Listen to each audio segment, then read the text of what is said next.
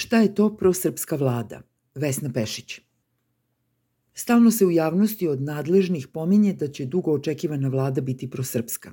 Zamislimo neku drugu zemlju, bilo koju, na primjer Francusku, da predsednik ili predsednica vlade ili republike izjavi da će vlada biti profrancuska. Bili bismo zbunjeni da tako nešto čujemo, a kod nas ne vidimo da se neko čudi što ćemo imati prosrpsku vladu i prosrpsku politiku i unutrašnju i naročito spoljašnju.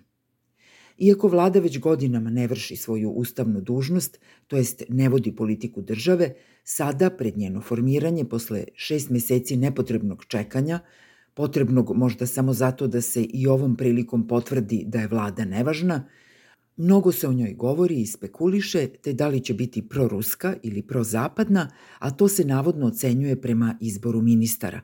Pa sad jedni kažu da je vlada proruska jer Dačić je ministar spoljnih poslova, a i da je proevropska zbog Tanje Miščević koja će voditi Ministarstvo za evropske integracije. I tako se do preko sutra može žonglirati.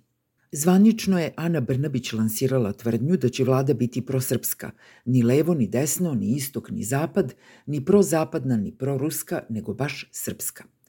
Pogledajmo prvi pravac gde prosrpska vlada neće skretati. Kaže se da se vlada neće kretati ni levo ni desno.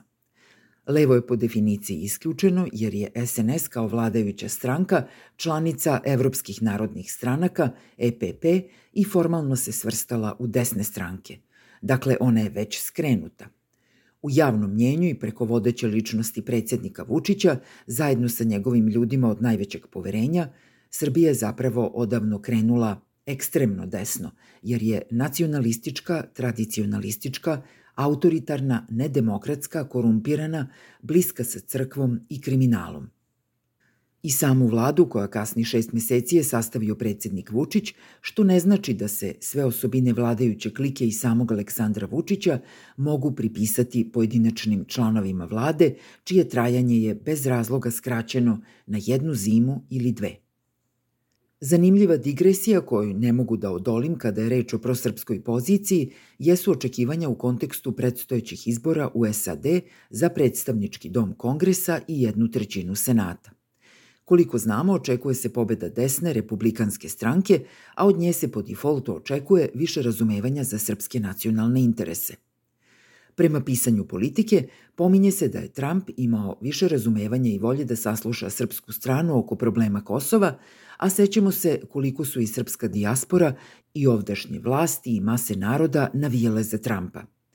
Po oceni tamošnjeg analitičara srpskog porekla Obrada Kesića, koju prenosi politika, u pogledu Kosova, politika SAD-a se neće promeniti, ani u pogledu rata u Ukrajini i zahteva da Srbija uvede sankcije Rusiji. Pritisci će sigurno biti pojačani, kaže Kesić. Zbog odnosa Beograda prema Moskvi, ali i kada je reč o Kimu, neće biti ništa lakše. Drugi pravci skretanja vlade koji se nikako neće dogoditi odnose se na ni istok ni zapad, što se zaokružuje u najjaču tvrdnju da srpska vlada neće biti ni prozapadna ni proruska, nego samo prosrpska. To znači da će Srbija, po mom razumevanju, voditi dosadašnju politiku ljuljaške, koja vozi na zapad interesno, novac, investicije i ekonomski benefiti, a zaljuljana je vrednosno crkvom, tradicijom, Kosovom i gasom prema Rusiji. U stolici te ljuljaške sede unesrećujući srpski nacionalni interesi koji se odnose pre svega na Kosovo i uvođenje sankcija Rusiji zbog rata u Ukrajini. Tako da je odgovor na pitanje šta su zapravo ta srpska vlada i njena politika ljuljaška između Zapada i Rusije. To se još zove sedenje na dve stolice. A tako se dele i građani Srbije. Vučić ih je podelio na one koji su veliko Srbi zato što su u stvari veliko Ruski i na one druge koji misle da su moderni Srbi zato što su antirusi.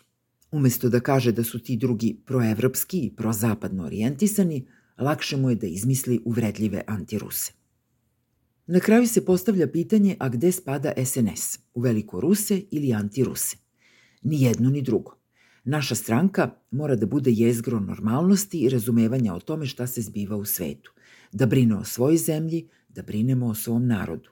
To ne podrazumeva da će nam se interesi uvek poklapati, bilo sa jednima, bilo sa drugima. To podrazumeva da imamo svoju državu i da donosimo odluke samostalno i nezavisno, bez ikoga od spoljnih faktora.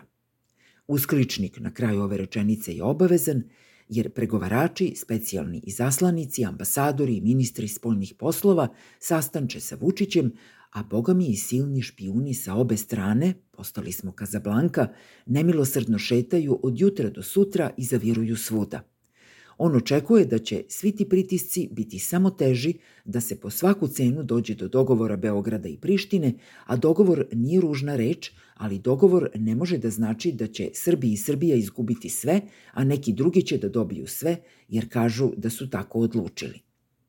I šta će sad pod tim silnim pritiscima da učini prosrpska vlada zapravo Vučić?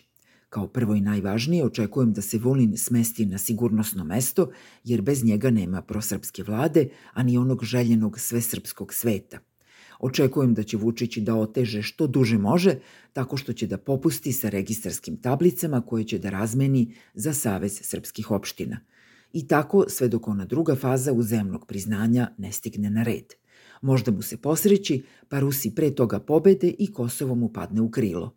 A možda se u tom čekanju sklepa i neko primirje u Ukrajini i prođe oluja silnih pritisaka zbog koji bi i ostavku dao samo da bi se na belom konju pobednički vratio na staru prosrpsku ljuljašku.